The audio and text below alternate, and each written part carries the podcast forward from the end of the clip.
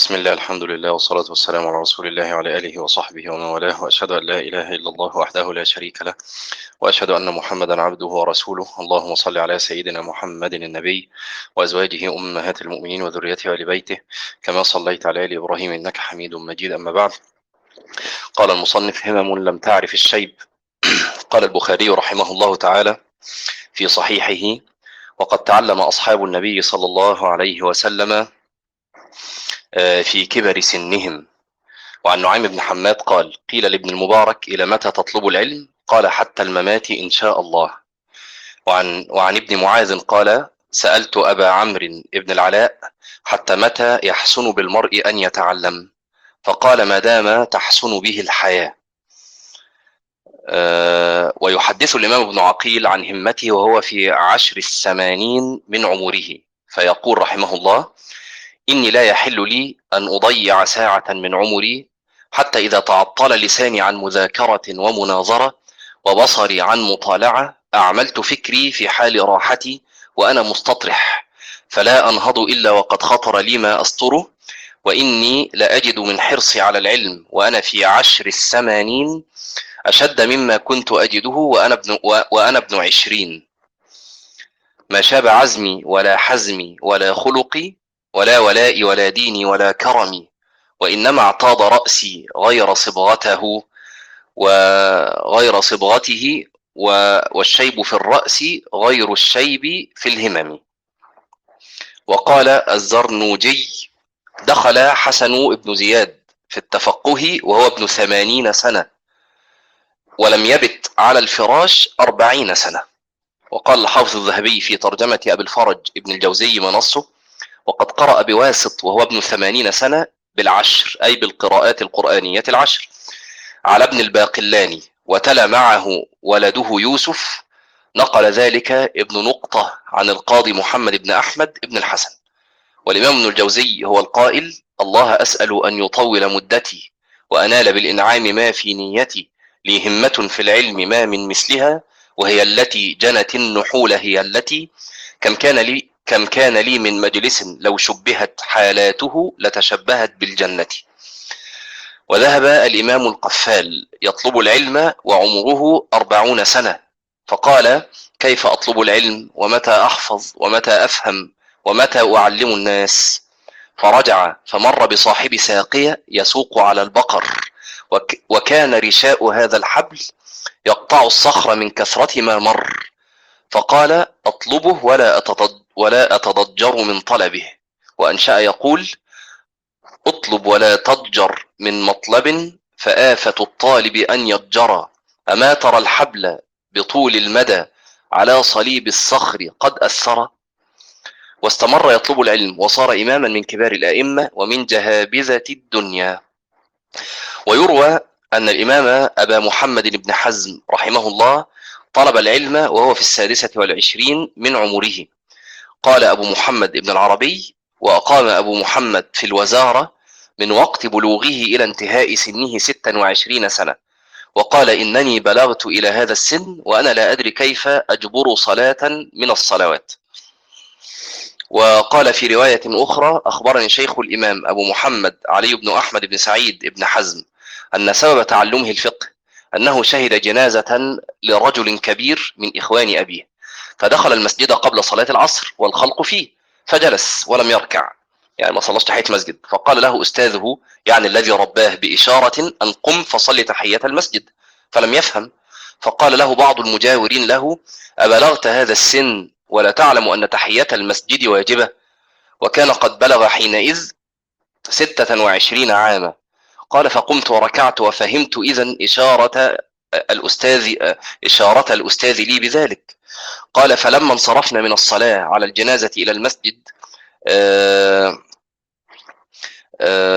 مشاركة للأحباء من أقرباء الميت دخلت المسجد فبادرت بالركوع فقيل لي اجلس اجلس ليس ذا وقت صلاة. فانصرفت عن الميت وقد خزيت ولحقني ما هانت علي به نفسي. وقلت للأستاذ دلني على دار الشيخ الفقيه المشاور أبي, أبي, أبي عبد الله ابن دح ابن دحون أو يعني مش عارف ضبطها الحقيقة.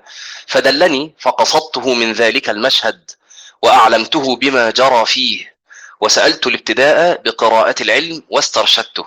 فدلني على كتاب الموطأ لمالك بن أنس رضي الله عنه فبدأت به عليه قراءة من اليوم التالي لذلك اليوم ثم تتابعت قراءاتي عليه وعلى غيره نحو ثلاثة نحو ثلاثة أعوام وبدأت بالمناظرة.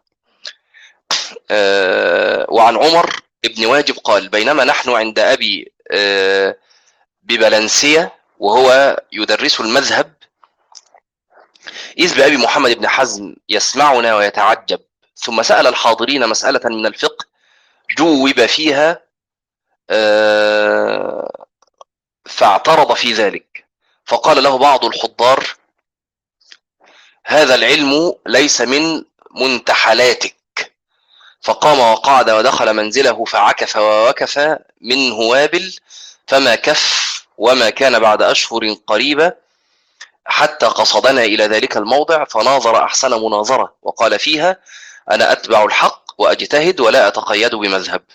وجاء في ترجمة يحيى النحوي بكتاب إخبار العلماء أنه كان ملاحا يعبر الناس في يعبر الناس في سفينته. وكان يحب العلم كثيرا. فإذا عبر معه قوم من دار العلم والدرس التي كانت بجزيرة الإسكندرية يتحاورون فيما مضى لهم من النظر ويتفاوضونه يسمعه فتهش نفسه للعلم. فلما قوي رأيه في طلب العلم فكر في نفسه وقال قد بلغت نيفا وأربعين سنة وما ارتضت بشيء ولا عرفت غير صناعة الملاحة فكيف يمكنني أن أتعرض لشيء من العلوم؟ وفيما هو يفكر إذ رأى نملة قد حملت نواة تمر وهي دائبة تصعد بها فوقعت منها فعادت وأخذتها ولم تزل تجاهد مرارا حتى بلغت بالمجاهدة غرضها.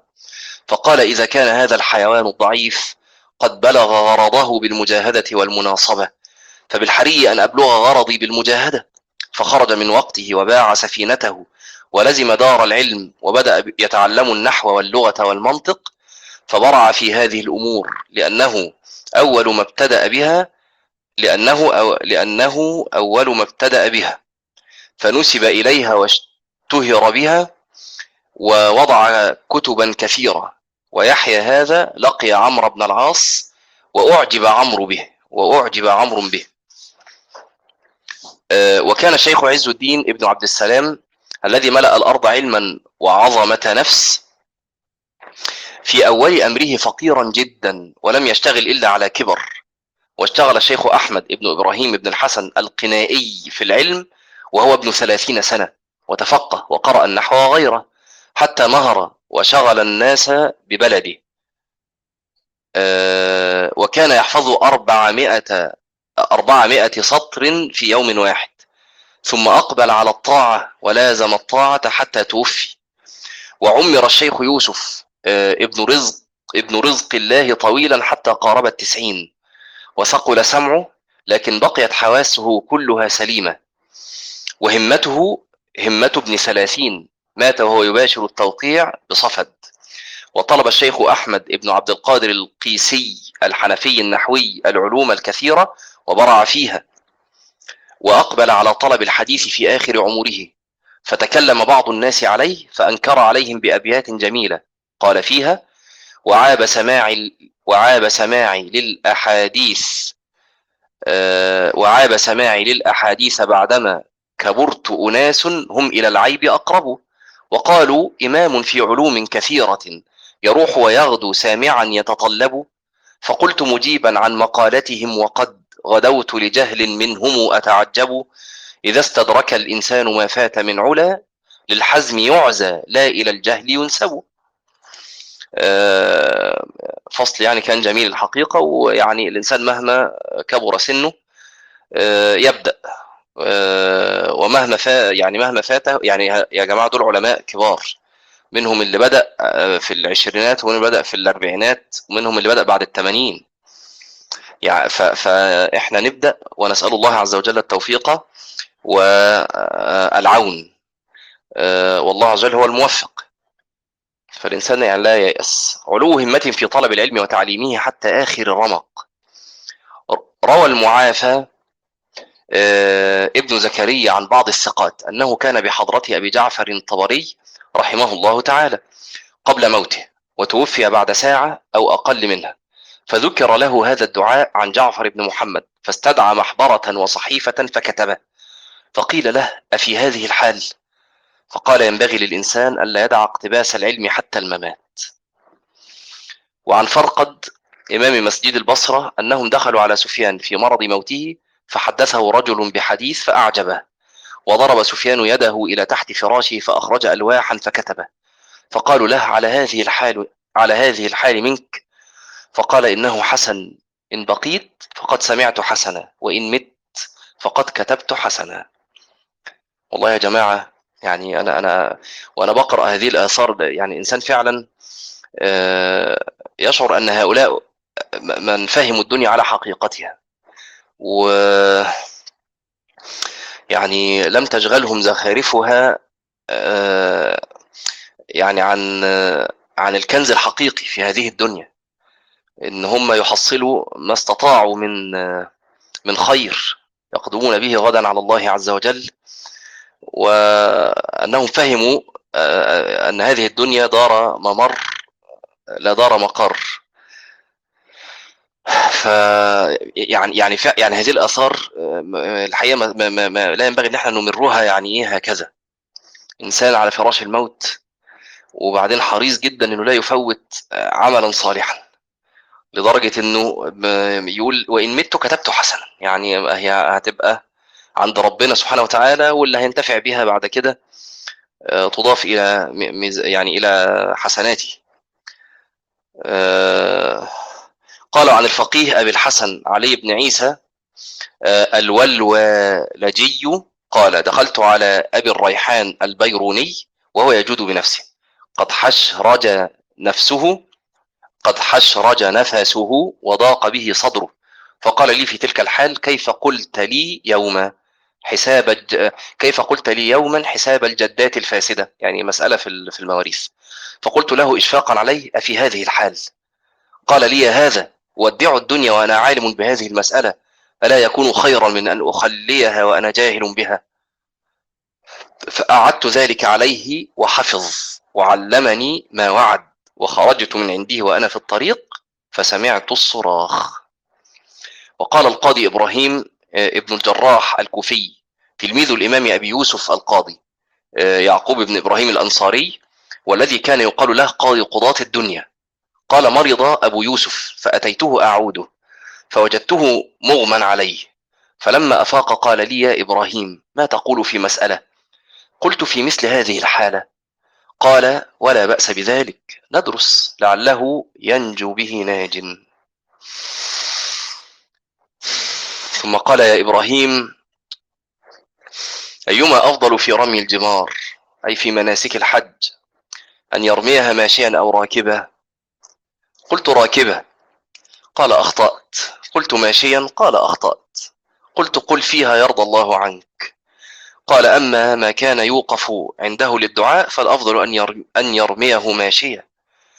وأما ما كان لا يوقف عنده فالأفضل أن يرميه راكبا ثم قمت من عنده ثم قمت من عنده فما بلغت باب داره حتى سمعت الصراخ عليه وإذا هو قد مات رحمه الله.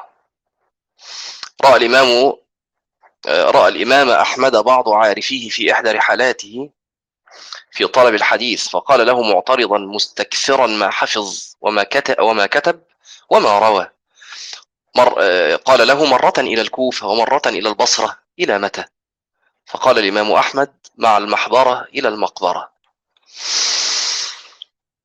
الفصل الثاني علو همة طبعا كان الفصل الأول في علو همة في العلم وكان في عدة أبواب يعني. الفصل الثاني علو همة السلف في العبادة والاستقامة.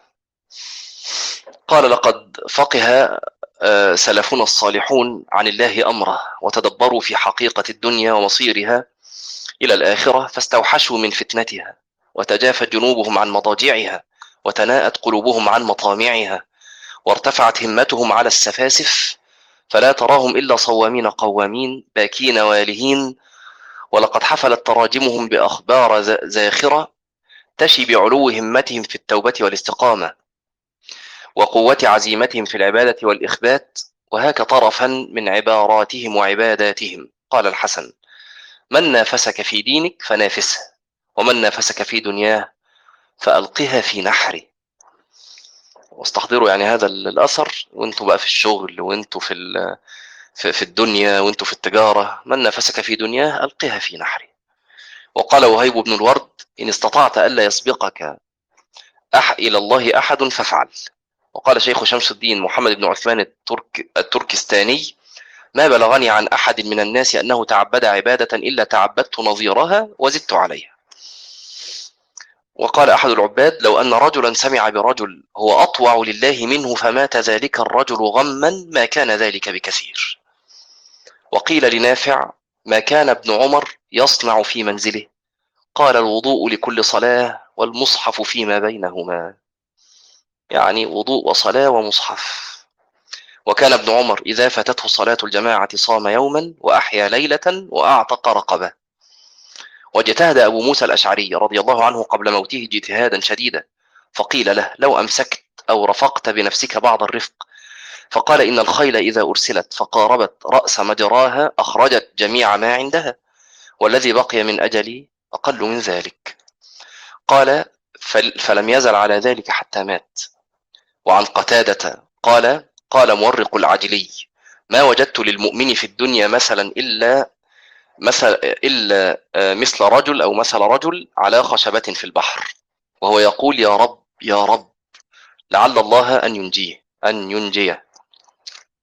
وعن أسامة قال كان من يرى سفيان الثوري يراه كأنه في سفينة يخاف الغرق أكثر ما يخاف الغرق. أكثر ما تسمعه يقول يا رب سلم سلم. وعن جعفر قال دخلنا على أبي التياح نعوده. فقال والله إنه لا ينبغي للرجل المسلم أن يزيده ما يرى في الناس من التهاون بأمر الله أن يزيده ذلك جدا واجتهادا ثم بكى.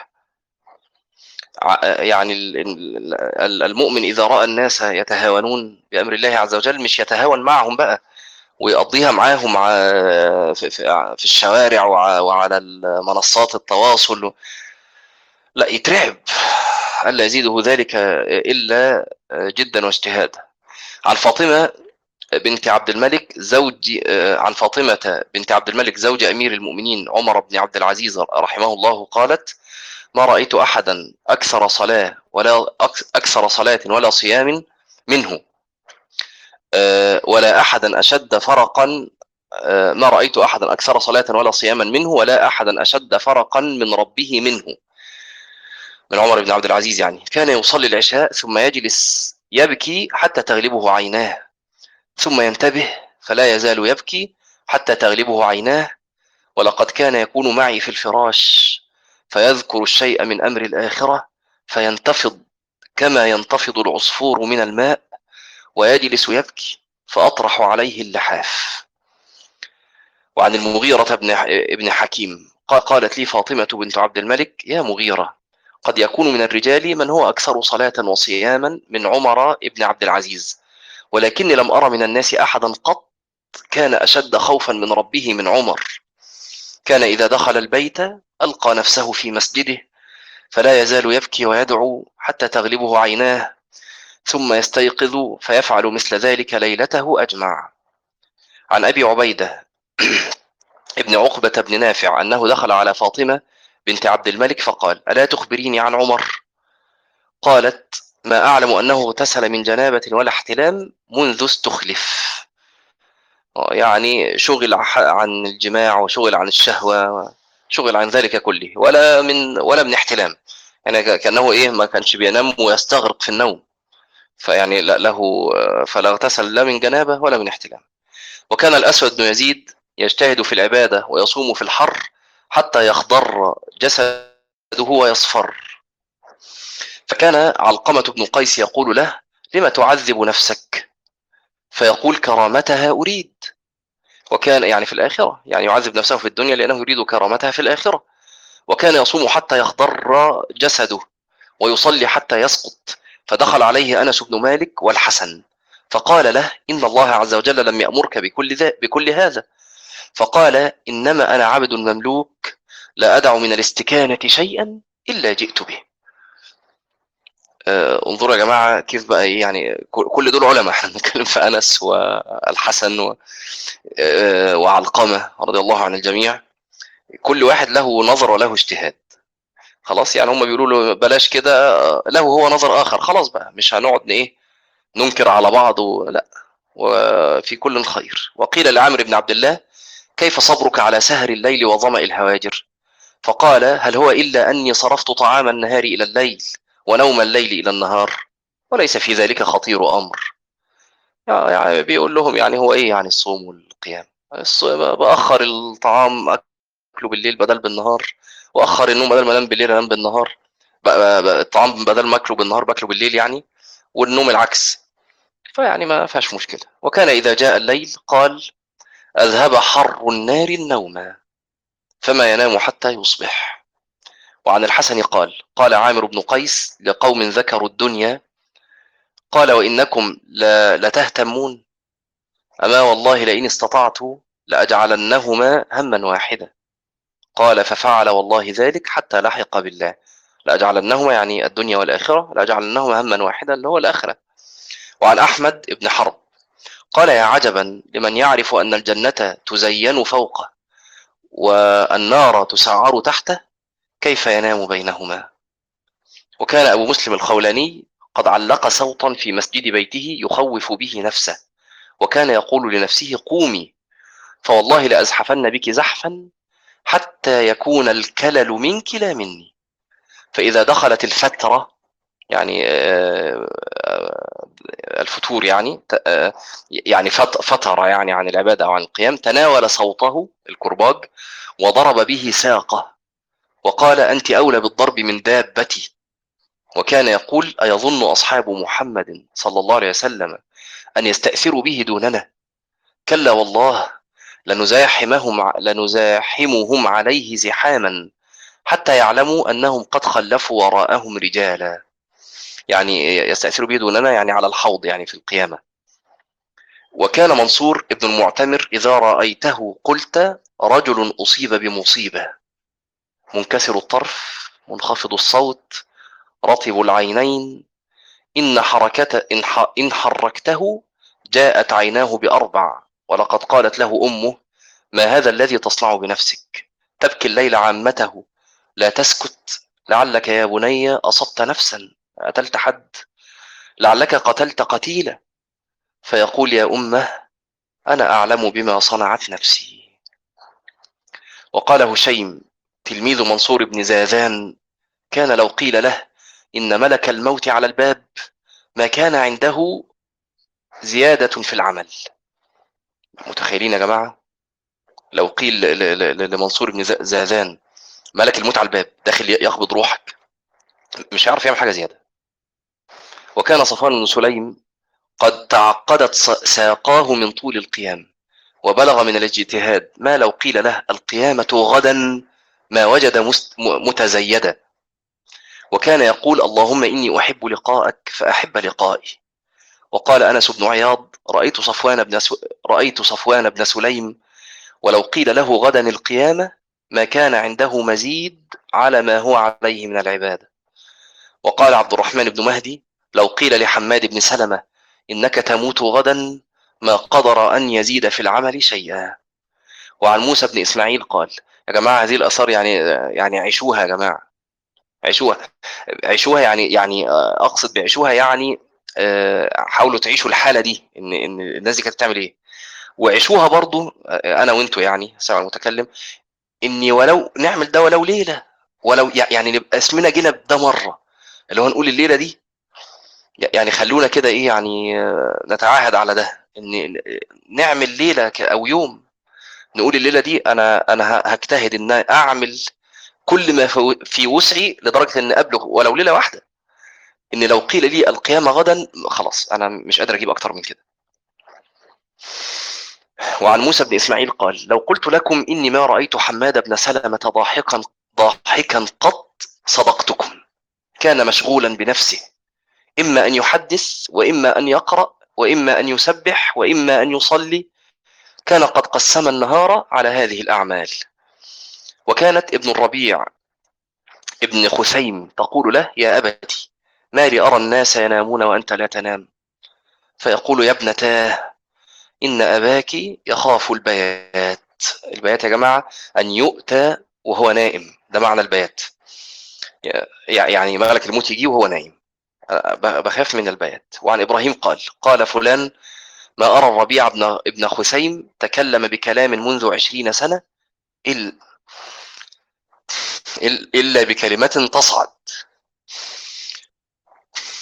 وعن بعضهم قال صحبت الربيع عشرين عاما ما سمعت منه كلمة تعاد. وقال مالك رأيت أيوب السختياني بمكة حجتين فما كتبت عنه ورأيته في الثالثة قاعدا في فناء زمزم فكان إذا ذكر النبي صلى الله عليه وسلم عنده يبكي حتى أرحمه فلما رأيت ذلك كتبت عنه. وقال سلامة بن علقمة جالست يونس, يونس بن عبيد فما استطعت أن آخذ عليه كلمة. يعني جلست يونس بن عبيد فما يعني ما قدرتش أمسك عليه كلمه غلط وعن أبي هارون موسى قال كان عون يحدثنا ولحيته ترتش ترتش بالدموع. وقال أبو علي ابن شهاب سمعت أبا عبد الله بن بطة يقول أستعمل عند منامي أربعين حديثا رويت عن رسول الله صلى الله عليه وسلم يعني من الآداب والأذكار وكذا. وعن القاسم بن راشد الشيباني كان زمعة نازلا عندنا بالمحصب وكان له أهل وبنات وكان يقوم فيصلي ليلا طويلا فإذا كان السحر نادى بأعلى صوته أيها الرك المعرسون أكل هذا الليل ترقدون أفلا تقومون فترحلون؟ فيتواسبون فيسمع منها هنا باك ومنها هنا داع ومنها هنا قارئ ومنها هنا متوضئ. فإذا طلع الفجر نادى بأعلى صوته. عند الصباح يحمد القوم السرى. وعن وكيع قال كان الأعمش قريبا من سبعين سنة. لم تفته التكبيرة الأولى. واختلفت إليه أكثر من ستين سنة. فما رأيته يقضي ركعة. وعن أبي حيان عن أبيه قال كان الربيع بن خثيم يقاد إلى الصلاة وبه الفالج يعني مشلول. فقيل له قد رخص لك. يعني اقعد صلي في بيتك. قال إني أسمع حي على الصلاة فإن استطعتم أن تأتوها ولو حبوة. وعن حماد بن سلمة قال ما أتينا سليمان التيمي في ساعة يطاع الله عز وجل فيها إلا وجدناه مطيعا. إن كان في ساعة صلاة وجدناه مصليا وإن لم تكن ساعة صلاة وجدنا وجدناه إما متوضئا أو عائدا أو مشيعا لجنازة أو قاعدا في المسجد. قال فكنا نرى أنه لا يحسن يعصي الله عز وجل. سبحان الله يعني يعني كانوا يظنون انه إنه لو عاوز يعصي ما يعرفش. لا يحسن يعصي الله. وعن عيسى بن عمر قال كان عمرو بن عتبة ابن فرقد يخرج على فرسه ليلة فيقف على القبور فيقول يا أهل القبور قد طويت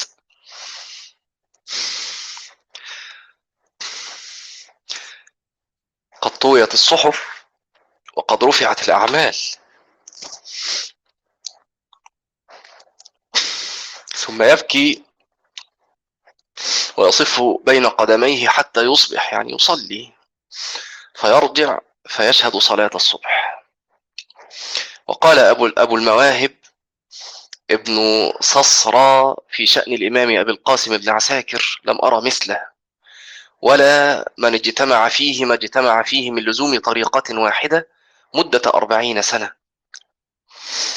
آه، من لزوم الصلوات في الصف الأول إلا من عذر والاعتكاف في شهر رمضان وعشر ذي الحجة وعدم التطلع إلى تحصيل الأملاك وبناء الدور قد أسقط ذلك عن نفسه. وأعرض عن طلب المناصب من الإمامة والخطابة وأباها بعد أن عرضت عليه وأخذ نفسه بالأمر بالمعروف والنهي عن المنكر لا تأخذه في الله لومة لائم. وكان المحدث الثقة بشر بن الحسن يقال له الصفي لأنه كان يلزم الصف الأول في مسجد البصرة خمسين سنة. وكان إبراهيم بن ميمون المروزي أح... كان أحد الدعاة المحدثين الثقات من أصحاب عطاء بن أبي رباح. وكانت مهنته الصياغة وطرق الذهب والفضة. قالوا كان فقيها فاضلا من الأمارين بالمعروف. وقال ابن معين كان إذا رفع المطرقة فسمع النداء لم يردها. يعني رفع ال ال زي الشاكوش المطرقة شغلته. أول ما طب رفعها سمع الله أكبر. خلاص يسيبها. ما يرجع يقول إيه طب هضرب الضربة دي وأروح؟ لا. وقيل للأحنف بن قيس رضي الله عنه إن فيك أناة شديدة هادي وحليم. فقال قد عرفت من نفسي عجلة في صلاتي إذا حضرت حتى أصليها. يعني في وقت بكون فيه على عجل إن لما الصلاة تيجي لازم أجري عليها. وقيل لكثير بن عبيد الحمصي عن سبب عدم سهوه في الصلاة قط. وقد أم أهل حمص ستين سنة كاملة.